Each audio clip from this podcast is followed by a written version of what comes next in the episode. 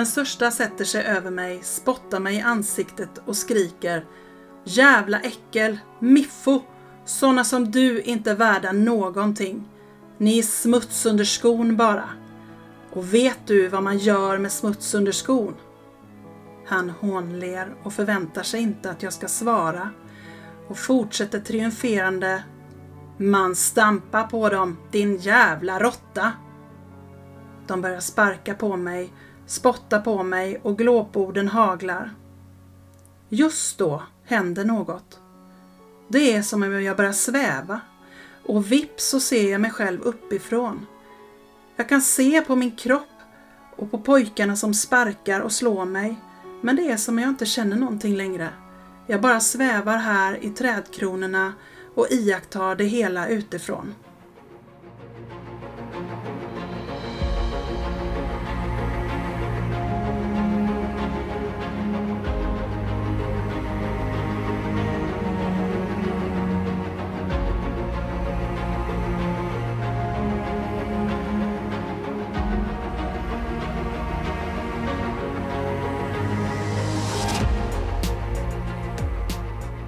Varmt välkomna till vår podd Magiska möten. Här delar vi med oss av våra upplevelser till er lyssnare genom att berätta om spännande och på olika sätt känslomässiga möten som vi genom åren haft med det övernaturliga. Sedan man var liten har man fått lära sig att sanningen endast kan bevisas genom fysisk existens. Men i den här podden släpper vi logiken och låter känslorna och intuitionen leda oss rätt. Vi heter Caroline och Mikaela och ska ta med er på vår resa in i det okända. Nu börjar Magiska möten.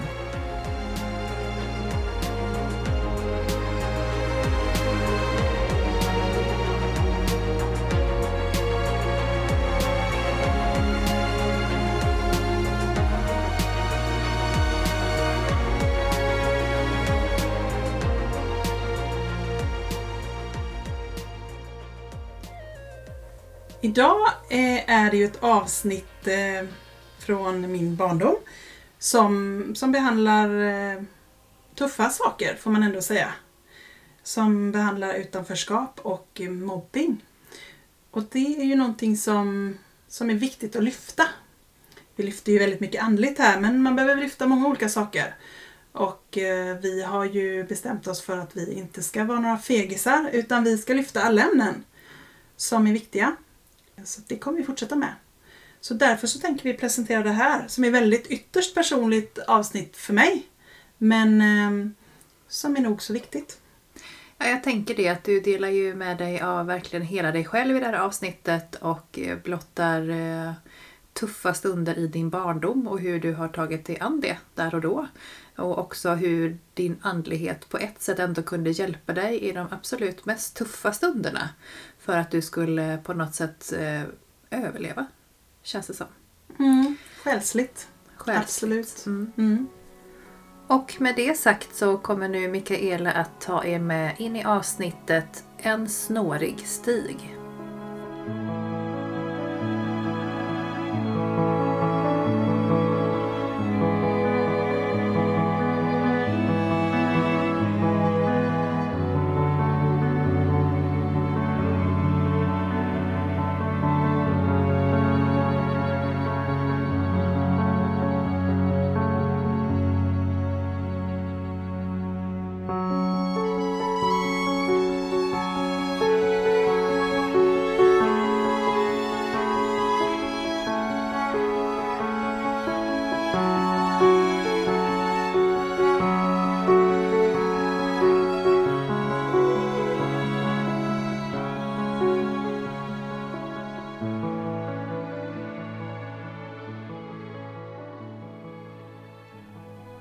Jag vet inte när det började eller vad det var som fick det att ske.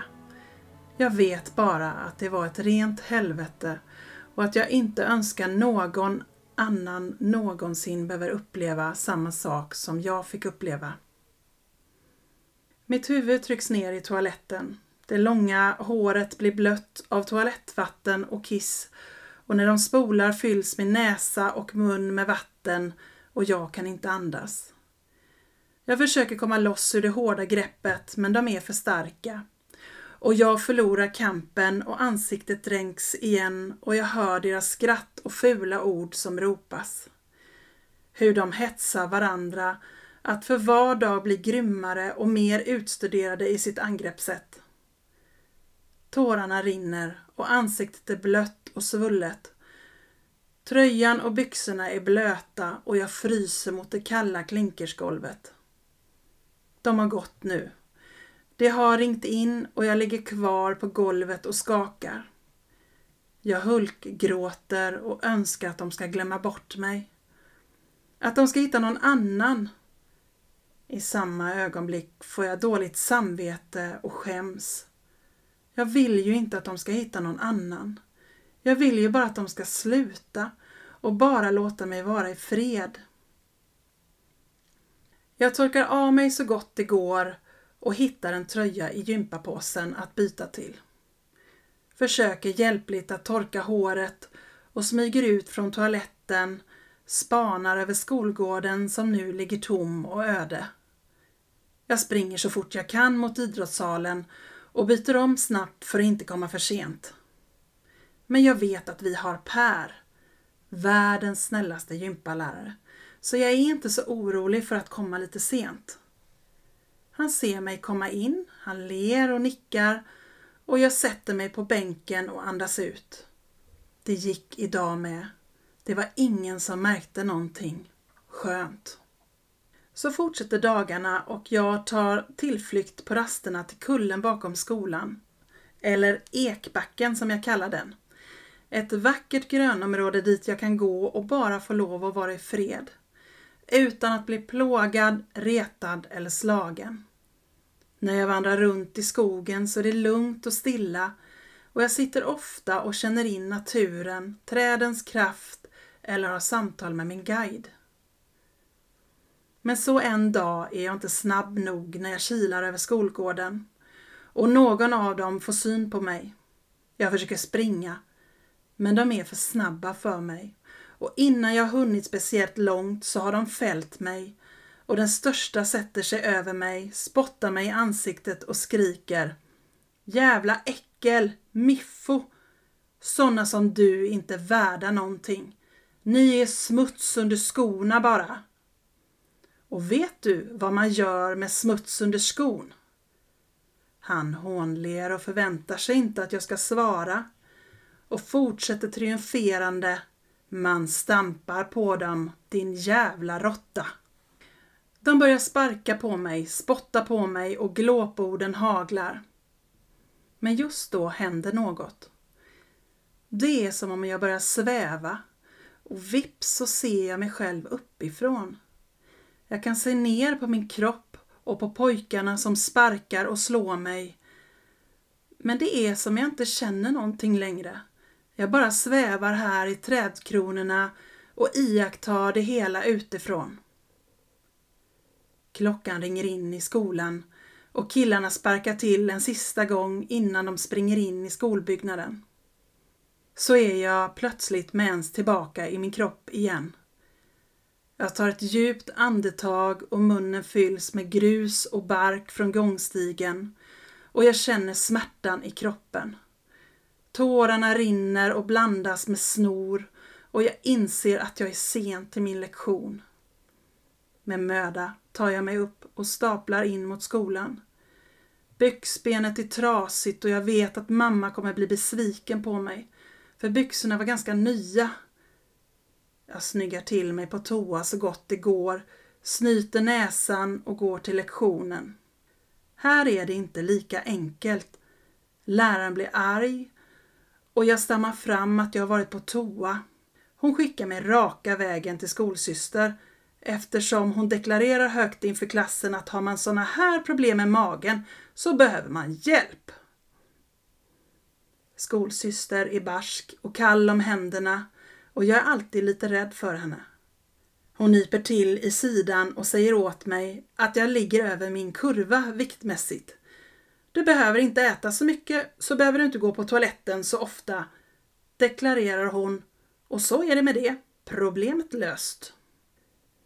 Jag blir snabbt ganska duktig på att läsa av situationer och människor och jag vet när jag ska gömma mig och lär mig snabbt att hålla mig nära en vuxen.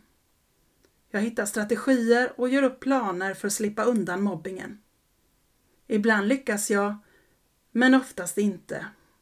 Och när jag inte lyckas så använder jag mig utav att sväva ovanför kroppen tills det hela är över. En del av de vuxna ser men tittar bort. Och andra försöker att lösa saker men oftast så är det en ensam värld utan för många solglimtar i skolan. Min guide är min bästa vän och ger tröst när smärtan och sorgen blir för tunga att bära. Jag frågar ofta, vad är det för fel på mig? Varför kan ingen tycka om mig? Han svarar att jag har valt en svår väg, en snårig stig. Och jag replikerar, jag väljer om, jag vill inte längre. Min livsgnista börjar mattas av och glädjen kommer allt mer sällan. Och jag sluter mig mer och mer inom mig. Jag känner mig som en främling i en ond värld, utan den minsta solglimt. Livet blir tungt att bära och många gånger tänker jag att det är bättre om jag inte fanns. Åren går och den fysiska mobbingen lugnar ner sig lite, men kvar blir den vassa, som letar sig in i varje skrymsle av hjärtat och smular sönder ens själ. Den psykiska, med fula ord, utanförskap, utfrysning och hån. Att vara ensam gör någonting med en människa. Man tappar bort en del av sin gnista och att få höra hur värdelös man är gör att man tappar ännu mer av den gnistan. Men så en dag så kommer solen in i livet och jag hittar till stallet, till hästarna och till en helt ny värld där alla är på samma villkor.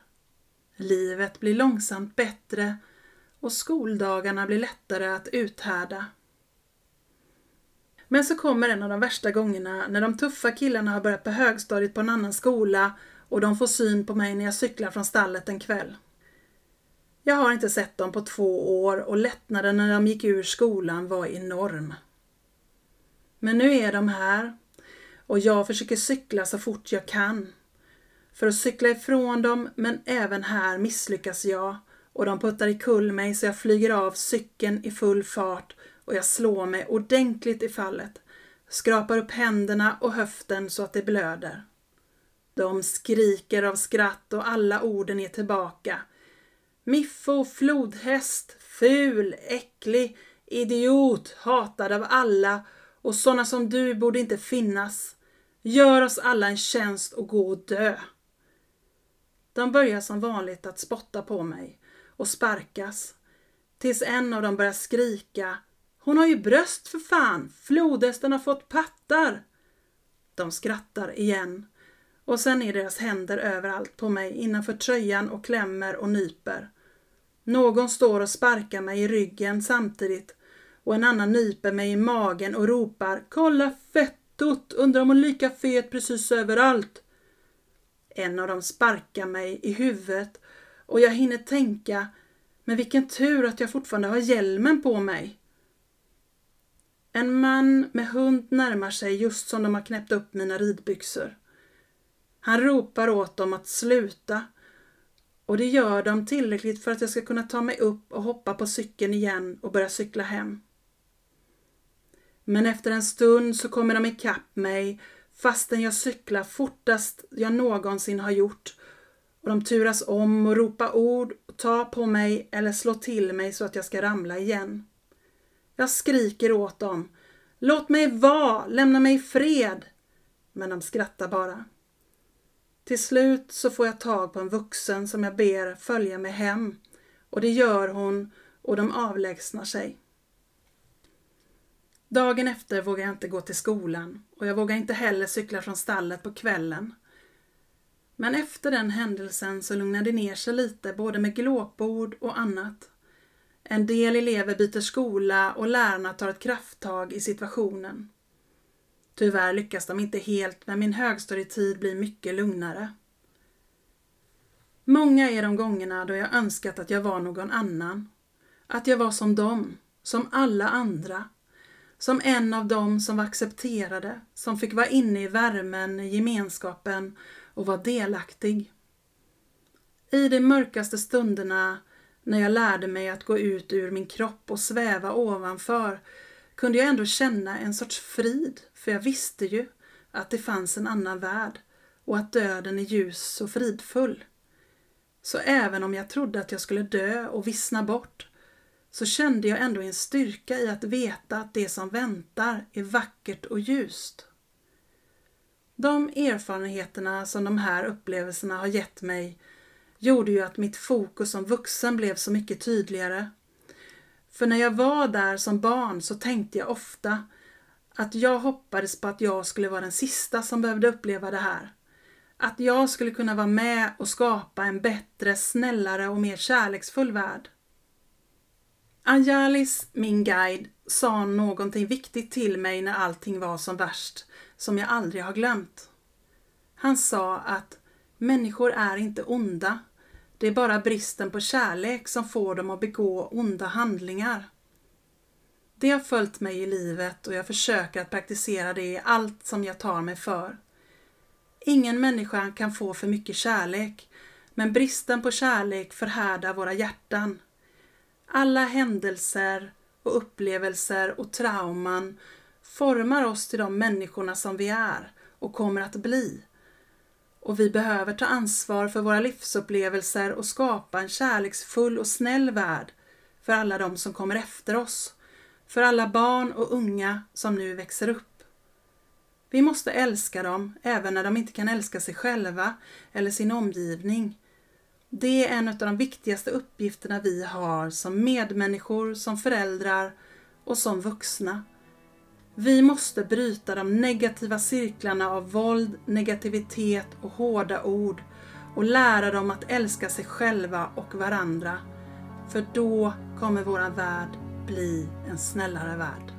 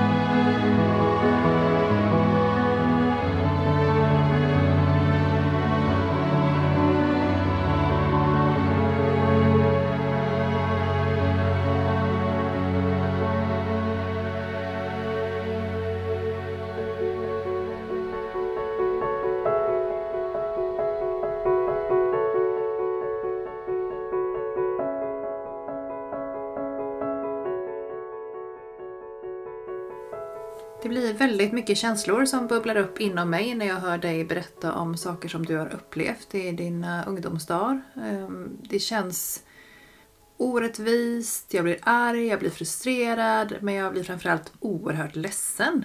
Hur känns det själv när du eh, läser in den här historien för våra lyssnare? Det är klart att eh, den berör mig med. Men jag är ju relativt gammal idag och har hunnit bearbeta väldigt mycket av de här händelserna som hände. Så att jag kan inte säga att jag um, går och mår dåligt idag för de här händelserna eller så. Men någonstans är det ju alltid sånt som man bär med sig i livet. Som påverkar en, påverkar ens val, påverkar ens riktning i livet och påverkar ens tankeverksamhet. Um, och någonstans så lovade jag ju mig själv när jag var ganska liten att eh, försöka göra världen lite bättre. Mm. Och eh, i min eh, liksom, nuvarande gärning och under mina år som lärare och så, så har man ju försökt att handskas med det här på lite olika sätt och försökt att stötta de ungdomarna som går igenom svåra saker och hjälpa till att lösa upp konflikter så att det inte ska behöva eskalera på det här sättet som det gjorde för mig. Nej, och du refererar till att du har, det har gått några år sedan det här hände men det är ju inte så himla länge sedan ändå. Om man tänker till skolan och barn och unga och hur man trycks ihop på skolgårdar och i skolmiljöer och det är många även idag som utsätts för väldigt tråkiga händelser och även rent krasst mobbing. någonting som vi jobbar aktivt att motverka, vi som jobbar inom skolan. Men det förekommer ju även att man försöker att motverka det. Absolut, det gör det ju. Och um, det som jag kan tycka kan vara en förändring i dagens skola jämfört med hur det kanske var när jag gick i skolan eller när du gick i skolan så är det ju att det finns ju mycket tydligare handlingsplaner och tankar kring hur man bekämpar den här typen utav svårigheter. Jag kan liksom inte minnas att vi hade någon sån här hot och våldsplan på min skola eller likabehandlingsplan eller det är klart man kanske var för ung för det men jag upplever att de eleverna jag träffar idag de vet ju om att det finns sådana saker på skolan och att man, man följer ett visst protokoll och att man jobbar aktivt. Sen upplever jag också att det kommit mycket mer forskning kring det här. Att man mycket bättre vet idag hur man ska ta sig an den här typen av problematik för ungdomar. Så att jag tycker definitivt det har gått framåt, även om vi kan alltid göra mer.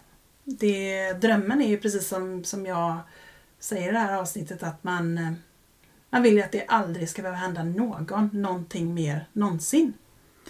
Så är det ju. Och jag tänker att eh, de handlingarna som begicks av dina skolkamrater mot dig är ju fruktansvärt allvarliga och skulle det hända på en skolgård idag så skulle det ju få en del konsekvenser. Det är svårt för vuxna att stå och blunda även om det ibland kanske inte uppfattas av alla vuxna heller vad som sker eller att man ibland ser lite mellan fingrarna men skulle det vara ett regelrätt slagsmål på en skolgård att någon blir påpucklad så förväntar jag mig att vuxna ingriper på ett helt annat sätt idag än vad man kanske gjorde när du gick i skolan.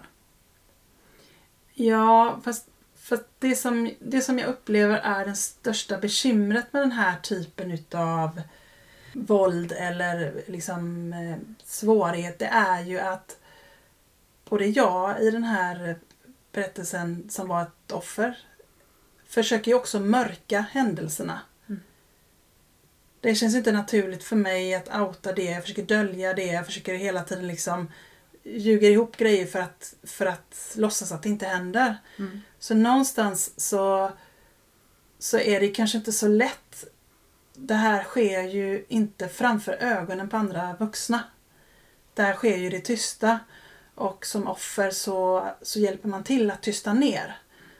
Och det upplever jag kanske att vi genom tiden har blivit bättre på. Att ta offers upplevelse och eh, tankar på allvar och att vi också lyfter fram hur viktigt det är att man säger någonting. Mm. Men som offer vill man ju, man skäms ju för att det händer en. Man, man vill ju som, som jag säger i berättelsen, jag vill ju bara att det ska ta slut. Jag vill inte att det ska hända någon annan Man vill ju bara att det ska gå över, liksom som ett tandläkarbesök. Att uh, jag lider fort så går det över och så, så händer det aldrig mer igen. Man låtsas ju liksom nästan för sig själv att det ska aldrig mer hända. Pratar man inte om det så finns det inte. Mm. Och där upplever jag ju att vi har kommit en bit på vägen med dagens ungdomar. Jag upplever att fler och fler vågar prata och fler och fler öppnar sig och att det är fler vuxna som kanske också ställer rätt frågor eller som har lite ögon i nacken eller har en fingertoppskänsla kring Oj, varför kommer det här barnet ofta sent eller vad är det som händer eller så. Jag upplever att vi har blivit mycket, mycket bättre på de sakerna. Mm. Men absolut så har vi en lång väg att gå. Mm. Och det har vi väl i samhället i stort tänker jag. Det rör ju inte bara skolan eh, utan våldsbrott begås ju mer eller mindre varje dag. Ganska nära gemene man. Ja. Och det är lätt att blunda. Ehm, jag tänker att den första reaktionen hos väldigt många är att blunda. Det är inte att ingripa när man ser någonting på stan som händer eller så. För man är rädd att man själv ska bli drabbad. Precis som de här barnen mår dåligt och är rädda att någon ska göra något mot dem. Så det är bättre att de slår först och frågar sen. Mm. För då är det ingen som vänder sig mot dem. Och så är det ju så är det ju den här typen av ärenden att det är ju förövare som mår fruktansvärt dåligt. Och det behöver man ju också vara medveten om att det finns två sidor. Det är så lätt att man, eh, att man dömer väldigt hårt. För eh, hade det här hänt mina barn, att de hade blivit särslagna eller liksom sådana fruktansvärda händelser så hade jag ju definitivt reagerat väldigt, väldigt starkt. Men med den erfarenheten jag har så vet jag ju också att det finns en förövare som mår precis lika dåligt. För ett barn som mår väldigt bra gör inte den här typen av handling. Ett barn som inte är rädd eller ett barn som inte som inte blir dåligt bemött någonstans skulle inte begå den här typen av handling. Utan det är ju lite så här att eh, ett dåligt bemötande föder ett dåligt bemötande. Och det tror jag vi i samhället har blivit bättre på, att bemöta och lyssna på barn och låta deras röster komma till tals. Vilket gör att jag tror att barn har ett, en, en bättre förutsättning idag än vad man hade för 20-30 år sedan. Mm. Och det känns ju väldigt positivt. Och samtidigt tänker jag lite grann som du är inne på här att det är ju en sak vad en person gör eller hur en person är eller deras handlingar. Tänker jag. Att, att man ibland så skiljer man på person och vad den faktiskt utsätter någon för. Mm. Att, att någonstans där inne så behöver inte en person vara ond eller elak eller egentligen eh, vara stygg. Men det den gör blir väldigt, väldigt eh, utsättande för andra. Mm. Och det är ett uttryck ofta, precis som du beskriver, för att man inte själv mår särskilt bra eller kanske inte kan hantera det man känner. Nej. Och att man inte heller har lärt sig att sätta ord på sina känslor eh, på ett korrekt sätt. Så det tänker jag att det är ett stort ansvar vi har, vi som är vuxna och som möter barn dagligen och alla som är föräldrar och, och som har barn i sin närhet att, att lära dem att sätta ord på sina känslor och på hur de tänker och inte sätta det i sina händer. Utan sätta det i eh, kommunikation istället för i att slåss. Mm.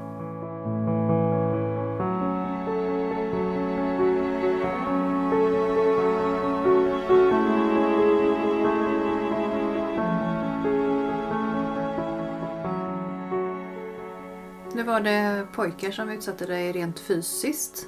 Eh, sen beskriver du att det blev lite lugnare på högstadiet när vissa saker togs i. Mm. Eh, och att du liksom kunde genomlida det. Men att det var en annan typ av terror som sedan tog vid. Den lite tystare, lite mer utfrysande. Det här vassa kommentarer, spydigheter utan att det var fysiskt våld. Mm. Um, var det också utav killar? Nej, det var det inte. Det var så att på den skolan jag gick så fanns det två skolor i samma byggnad.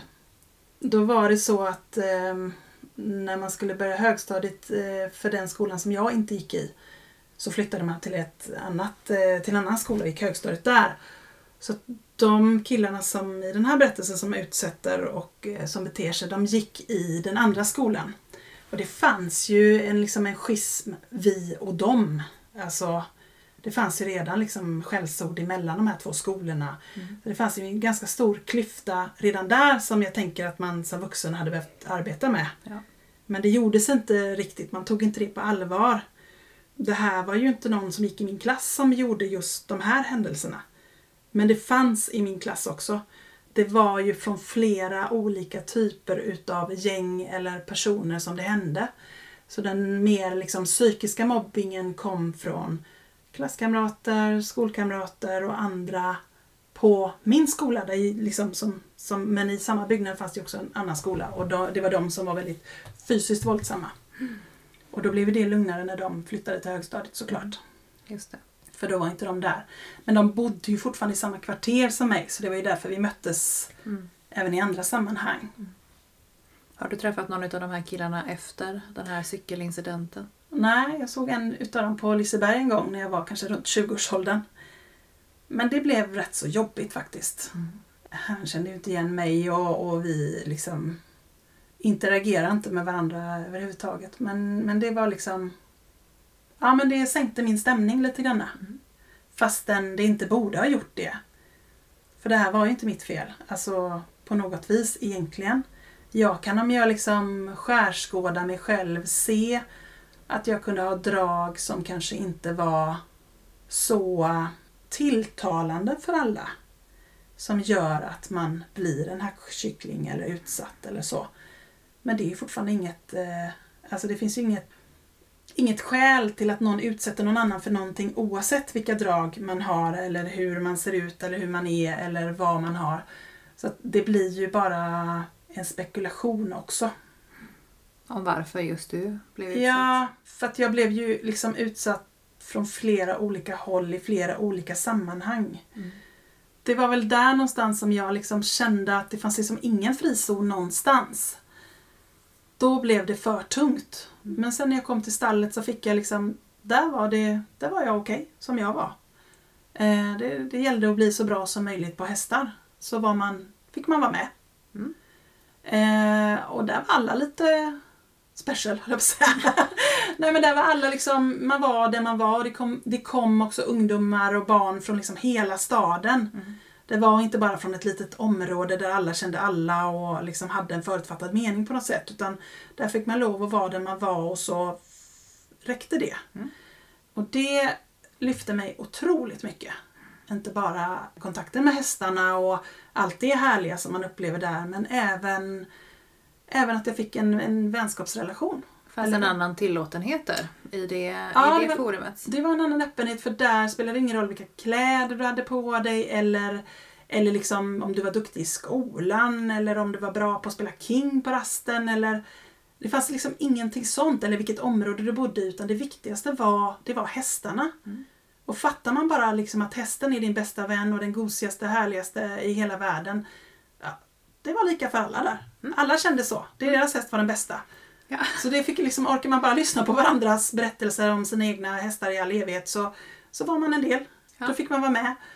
Och sen var det ju alltid så att man såg upp till dem som var liksom duktiga och som, som var lite äldre och så. Men jag upplever också att de föregick med väldigt gott exempel. De var bra förebilder. Starka, duktiga tjejer som liksom högg i och kämpade på och tog nederlag på snygga sätt. De var duktiga och vann dem så gjorde de det på ett snyggt sätt. De sänkte aldrig någon eller så. Så jag upplever att den stallmiljön där jag tillbringade liksom mycket tid var en fantastiskt bra miljö att växa upp i. Mm. Eh, De pratar mycket om det, att det formar framtidens ledare, stallet. Och jag kan skriva under det. Vi hade väldigt bra förebilder. Kanske inte alltid i våra tränare eller ridlärare. De kom från en mer auktoritär hästhållningssyn som var ganska hård, ganska dömande och ganska svår att, att leva upp till på något sätt. Ja. Men tjejerna som var ett par år äldre än mig i stallet, de var bra. Det var liksom inget trams. Roliga, glada, käcka. Ja, här är inga sura miner, här kämpar vi på. Och det är tungt och det är jobbigt och det är svettigt och det är mycket hästbajs, men vi kör. Alltså så. Man liksom gjorde alltid det bästa av situationen så jag kände att jag lärde mig, jag formades till en, till en väldigt mycket bättre människa i och med att jag fick så bra förebilder i stallet. Vad härligt. Mm. För du beskriver ju också att du, du blir väldigt ensam utanför stallet eh, och också att din guide blir din bästa vän Ja. eh, i perioder under uppväxten. Var, fanns det någon vuxen du pratade med om de här händelserna eller fick du hantera det helt själv? Jo men alltså jag försökte väl säga saker och sådär och så men det var ju också lite så att lite får man väl tåla. Det var mer den kulturen att man ska inte gnälla och man ska inte tro att man är någon och man ska inte... Ja, ja. Alla har väl åkt på lite stryk någon gång. Alltså det var nu vill jag inte säga att mina föräldrar sa så men, men alltså det var mer den mentaliteten i samhället överlag. Ja. Liksom sa man något så var man en gnällig typ. Så det var liksom lite tiga och lida på något sätt. Mer än vad jag upplever att det är i samhället idag. Man skulle inte sticka ut, man skulle inte märkas, inte synas och, och det gjorde man ju genom att man gnällde och klagade på något sätt. Jag tänker nu hör väl det till. Gnäller man inte och klagar så har man ju ingen åsikt på något vis. Nej, lite så. Om man är Nej. väldigt, man har väldigt, har väldigt ömma tår. Ja, jo, lite så. Så att samhället har ju svängt en del i, det, i den aspekten under de sista åren. Väldigt mycket och ehm, man har kanske en liten annan syn på saker och ting men, men, men jag upplevde många gånger att det var Nej, men det var en tysthetskultur i det. Och det var ju också en tysthetskultur i att säger du någonting så dödar vi dig din jävel. Alltså så var det ju många gånger också. Mm. Så det var ju inte bara att man eh, kanske... Det som jag kunde känna var väl att, att kanske att någon vuxen skulle frågat lite mer. För, för när man är med om väldigt traumatiska händelser som barn så kanske det är ingenting man öppnar på locket på själv riktigt. För man har fullt upp med att hantera den kaoset som sker inom en på något sätt. Man behöver någon som Man behöver- ställer rätt frågor. Ja, och någon som ser en. Mm. Som min, den här härliga idrottsläraren som jag hade. Mm. Som, som liksom ler, nickar och hej, jag ser dig. Det räckte. för att jag skulle känna att jag har blivit sedd idag. Och det är egent- egentligen väldigt, väldigt lite. Mm. Men för mig gjorde det hela min dag. Och just det här att man inte anklagar eller någonting utan att man, man faktiskt jag ser dig. Och har jag en fråga till dig så tar jag den efter lektionen. Inte nu inför alla.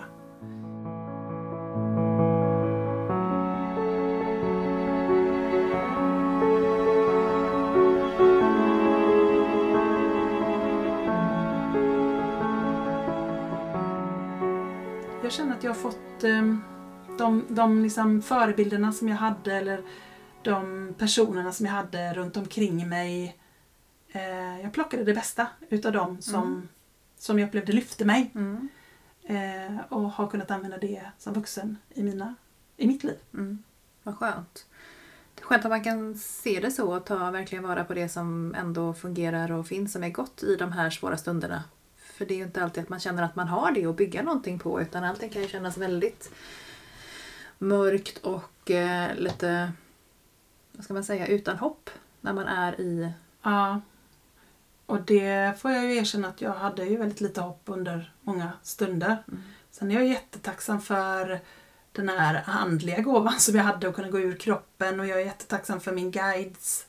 Eh, liksom att jag, jag hade ju någon i alla fall. Mm. Jag tänker det kanske finns, eller det finns ju barn som inte har någon. Mm. Och det känns ju fruktansvärt. Jag hade ju en helt annan värld som jag eh, var trygg i på något Mm. sätt. Som du kunde vända dig till. Och du berättade ju lite kort där om det, ett samtal du hade med en av dina guider om varför behöver du gå den här vägen? Mm. Och du fick svarat lite grann att fast du har valt en snårig stig. Mm. Hur var det att ta emot det när man inte är så gammal? Nej men det var ju precis som jag bara, nej men jag skiter i det, jag väljer om. Mm. Jag tar en annan, jag vill inte ha denna. Nej. Eh, Ta bort mig bara. Alltså jag hade väl väldigt mycket liksom vanmaktskänslor och eh, önskade ett annat liv. Mm. Jag kunde inte alls förstå vad jag skulle hit och göra. Vad är vitsen med att vara här? Här är bara fruktansvärt. Mm. Så att jag hade ju väldigt liksom mörka tankar och, och, och mådde otroligt dåligt under stora delar av min uppväxt. Mm.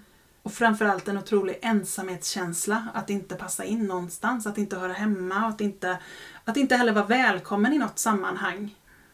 Det, det, var, det är tunga saker att bära när man är liten. Mm. Det är tungt när man är vuxen också, när man hamnar i sådana situationer där man känner att man, ja, men man kommer på en fest och alla tittar lite snett på en till exempel. Mm. Alltså, direkt så sjunker ju liksom livsglädjen i en. Man blir direkt ganska illa berörd och känner nej men jag sticker härifrån, det här var inte så trevligt. Eller så. Mm. Och som vuxen kan man ju ta det beslutet att jag sticker härifrån. Som barn när man är tvungen till att gå i skolan så, så får man ju bara okej, vi tar en ny dag. Man har inget val. Jag kan inte heller minnas att jag tänkte att jag ska inte gå till skolan för det fanns inte. Nej. Det gör Det var man inget bara. alternativ. Nej. Och är man snorig så går man till skolan ändå. Har man lite feber så tar man en Alvedon och så går man. Mm. Det, det, liksom, det fanns liksom inte riktigt i min föreställningsvärld att man kunde vara hemma från skolan eller att man... Då fanns det ju ingen som passade en. Eller, alltså, det gällde liksom att hitta strategier där och då. Mm. Att vara hemma var ingen strategi heller för att det fanns inte. Men det blev lite som en överlevnadsinstinkt att skaffa sig de här strategierna och se till att man, Ja. var, man hade en plan och man hade en vuxen nära så att man inte skulle behöva bli utsatt. Ja, Hur, hur mycket vaken tid spenderade du åt att planera hur du skulle ta dig förbi de här hemskheterna? i stort sett all vaken tid jag hade eh, gick åt till att tänka, smida planer. Nej men tänka ut hur, eh, om jag gör så händer det, om den står där då går jag den vägen, men står de där då går jag den vägen. Och eh, om jag ställer cykeln en bit bort så behöver jag inte parkera ihop med de andra cyklarna här för då kanske jag, de inte ser mig och så. Nästan all min vakna tid gick åt till att försöka hitta undanmanövrar. Sen var jag ett barn som alla andra och eh, fick jag lov att vara med så var jag ju det och då var jag jätteglad åt det. Hoppa hopprepa och spela boll och allt vad jag gjorde. Eh, men det var ju så att man blev ju vald om, om alla de andra kompisarna är sjuka. Mm. Då fick man ju vara med. Eller alltså typ lite så var det ju många gånger. Nej, det handlar mycket om att hitta strategier för att eh, få dagen att fungera. Upplever du att du har mycket sådana tankar nu som vuxen? Att det liksom hänger kvar även om du inte tror att du ska bli utsatt för saker? Har du mycket så här om utifall att så tänker jag att då har jag den planen och den planen och den planen klar om du ska göra saker?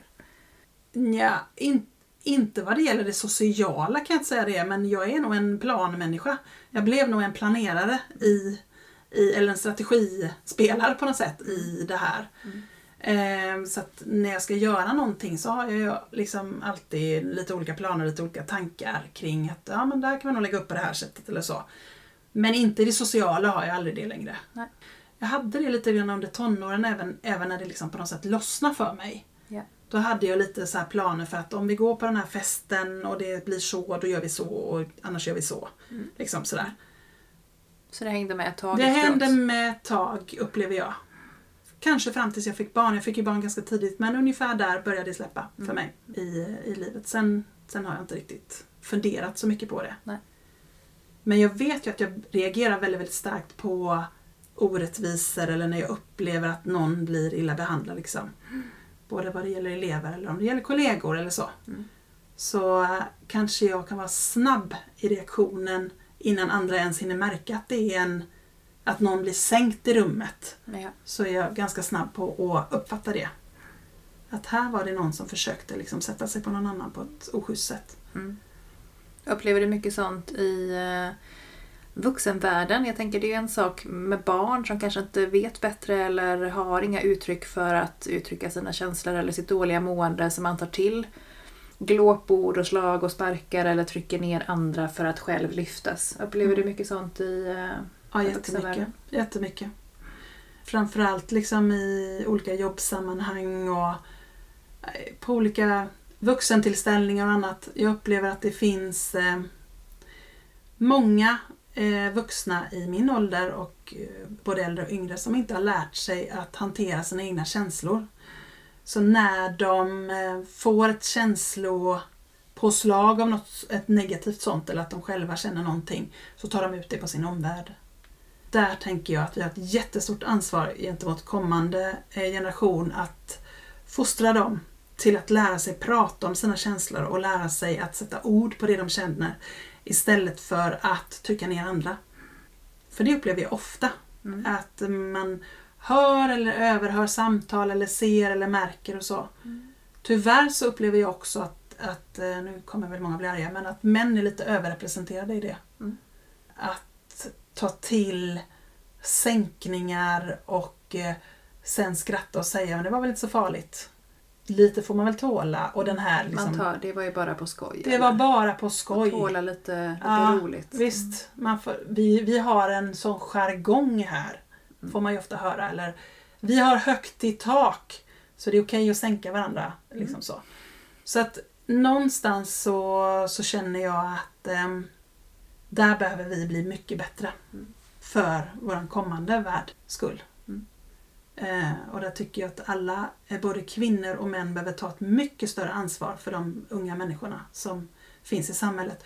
Och det spelar liksom ingen roll om det är en, en person som är eh, 25 och jag är 50 så måste jag ändå föregå med gott exempel. För att jag är äldre. Så jag ska vara klokare, veta bättre och ha mer kunskap. Man kan liksom inte sitta och vara 50-60 år och klappa sig för bröstet och tycka att jag kommer inte förändra mig för jag har gjort så här hela livet. Det, det är vi färdiga med nu känner jag.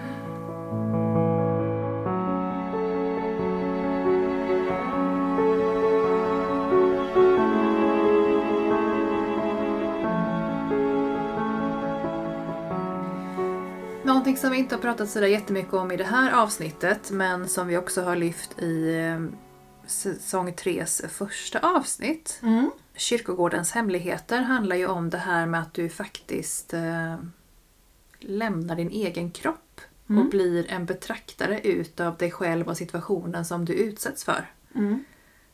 Hur är det möjligt? Hur är det möjligt? Ja, säg det. Det vet jag knappt själv. Nej.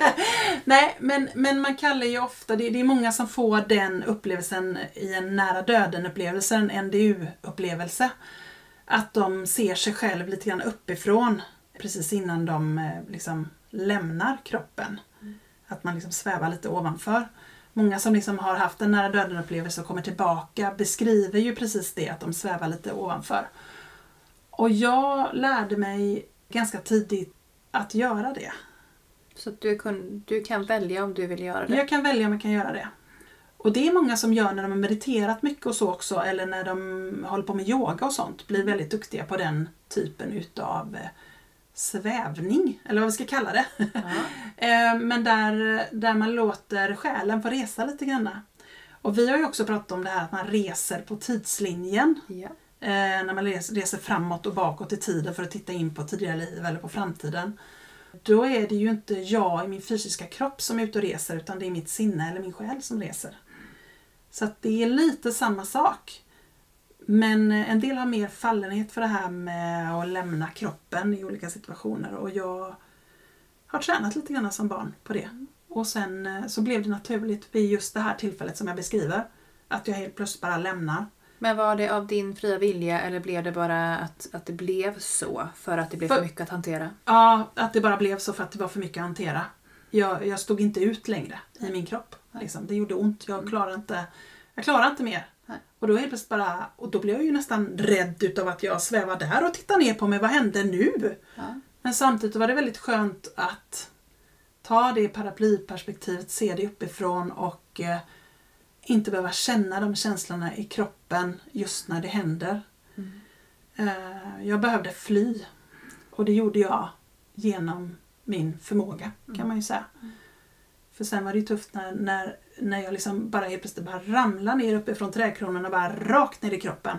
Mm. Då kommer ju alla allting tillbaka, Tillbaka. till alla känslor och allting, allt det onda liksom. Men eh, För jag Det- tänker att det är en, det är en väldigt spännande väg att gå att, att ta sig ifrån kroppen på det sättet som du gjorde. Mm. Jag har ju ibland liksom önskat utifrån smärta jag har haft, bland annat vid njurstensanfall. ja, Och tänker så här, men hur mycket smärta kan kroppen klara innan man svimmar eller tuppar av Ja. eller dör? För att det är ju helt orimligt. Ja. Eh, ni som vet, ni vet hur Mm. ont det gör. så att det är ju, då hade man ju nästan önskat att man kunde ta sig ur sin egen kropp bara för att få andas. ja, och jag som också har njurstensproblem har inte gjort detta när jag, jag inte när jag har fått barn, inte någonting.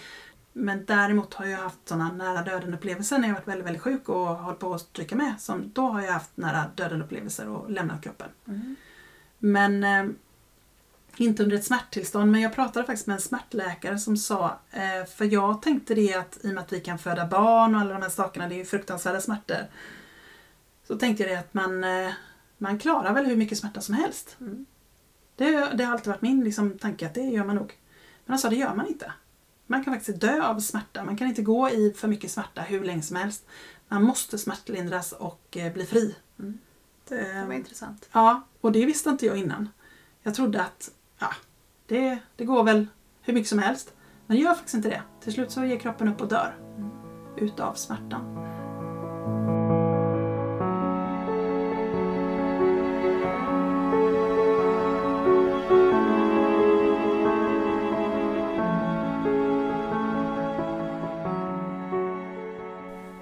Men efter många beröringspunkter utifrån eh, den här historien Mikaela så känns det som att eh, jag har ungefär samma känsloregister kvar i kroppen. Jag är lite upprörd, jag är lite arg och jag är lite ledsen. Även om jag skrattar åt det. Men eh, hur det än är och hur viktigt det än är att bemöta barn på ett schysst sätt så är det ju många barn som far illa på olika sätt och det är så fruktansvärt tragiskt. Ehm, jag blir oerhört eh, berörd av att lyssna på den här historien och när jag går ifrån poddstudion idag så känner jag mig lika frustrerad som, som innan. Även om vi har fått vänt på många stenar och även om man tänker att det är lite bättre och vi har ett eh, lite annat klimat mellan vuxna och barn idag så finns det mycket kvar att göra. Så att det får vi fortsätta och eh, jobba på kring eh, och också försöka att nå ut till de som har det tufft. Absolut. Och eh, jag tänker att i den professionen som både du och jag har så har vi också en möjlighet att se ungdomar och barn som, som inte mår så bra och försöka göra det bästa vi kan utifrån de förutsättningarna som vi har att hjälpa till. Så är det. Och jag tänker ett, ett leende och ett hej, det räcker väldigt långt för någon som känner sig ensam. Så att det kan man alltid kosta på sig. Ja, det behöver man inte ens kosta på sig. Det är ju det minsta, minsta, minsta man kan ge utav sig själv. Och det tänker jag att man gott kan göra mot vuxna också. Och det behöver inte vara någon man känner. Det kan vara någon som ser lite hängig ut på bussen. Så kan man bara, hej hej! Så ly- lyfter man på stämningen lite grann. Det är så viktigt att vi blir sedda, hörda och bekräftade. I alla fall någon gång på en dag. För att växa som människor. Annars vissnar vi. Så att det tycker jag att vi kan skicka med nu när det är dags att runda av det här avsnittet. Eller hur? Det gör vi och eh, med det sagt så är ni varmt välkomna in som vanligt på vår Instagram-sida. Kommentera gärna och dela med er om ni har egna erfarenheter som ni skulle vilja att vi lyfter i podden till exempel. Eller skriv ett PM till oss, podden Magiska möten på Instagram. Vill man eh, veta mer om dig Mikaela och ditt mediumskap så finns det på Facebook, Magiska möten. Absolut, ni är välkomna. Eh, och med det sagt så tackar vi för att ni har velat lyssna på det här eh, lite tuffa avsnittet. Och hoppas att ni allihopa går hem och kramar någon och ger lite extra kärlek till alla i er närhet. För det är det viktigaste vi kan göra för varandra.